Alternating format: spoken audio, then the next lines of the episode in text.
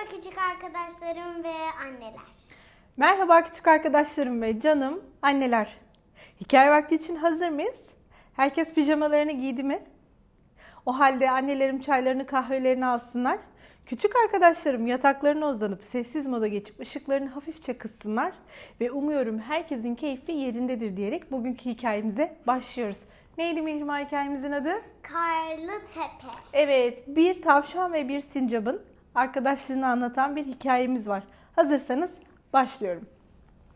O sabah tavşan uyanır uyanmaz pencereden dışarı baktı ve her yerin karla kaplı olduğunu gördü. Yaşasın! Yeni kırmızı kızağımı kullanabilirim diye sevindi. Sıkı sıkı giyindi ve kızağını aldı.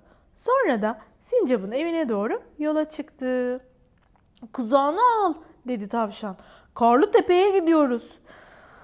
Ah sincap içini çekti. Son kullandığımda kızağım kırıldı. Çok üzüldüm dedi tavşan. Kızağımı kırmamak için dikkat etsem iyi olur diye geçirdi içinden. Tavşan tek başına evinin hemen karşısındaki karlı tepeye tırmandı. Kendi başına aşağı kaydı. Kendi başına kızağını tekrar tepeden yukarıya çekti.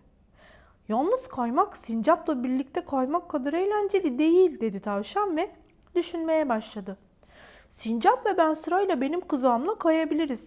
Ama ya benimkini de kırarsa? Tavşan yanlışlıkla vazoyu kırdığında annesinin ona ne söylediğini hatırladı. Sonuçta o yalnızca bir vazo.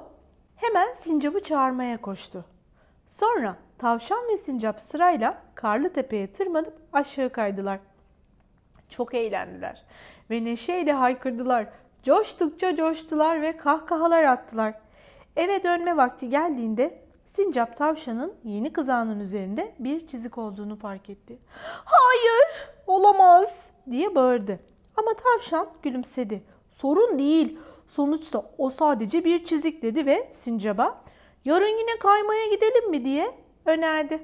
Evet zaman zaman eşyalarımıza dikkatsizliğimiz yüzünden ya da arkadaşlarımızla oyun oynarken düşünmeden bir anda zarar gelebilir.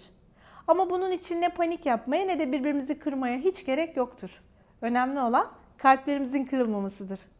Bugünlük de bu kadar demeden önce garip ama gerçek bilgilerden bir tane daha. Hazır mısınız? Evet ben hazırım. Peki o halde.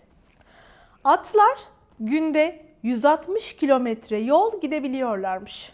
Evet arkadaşlar, atların ne kadar hızlı koştuğunu bilmeyen yoktur değil mi? Evet. Gün içerisinde 160 kilometre yol gidebilecek kadar kuvvetlilermiş.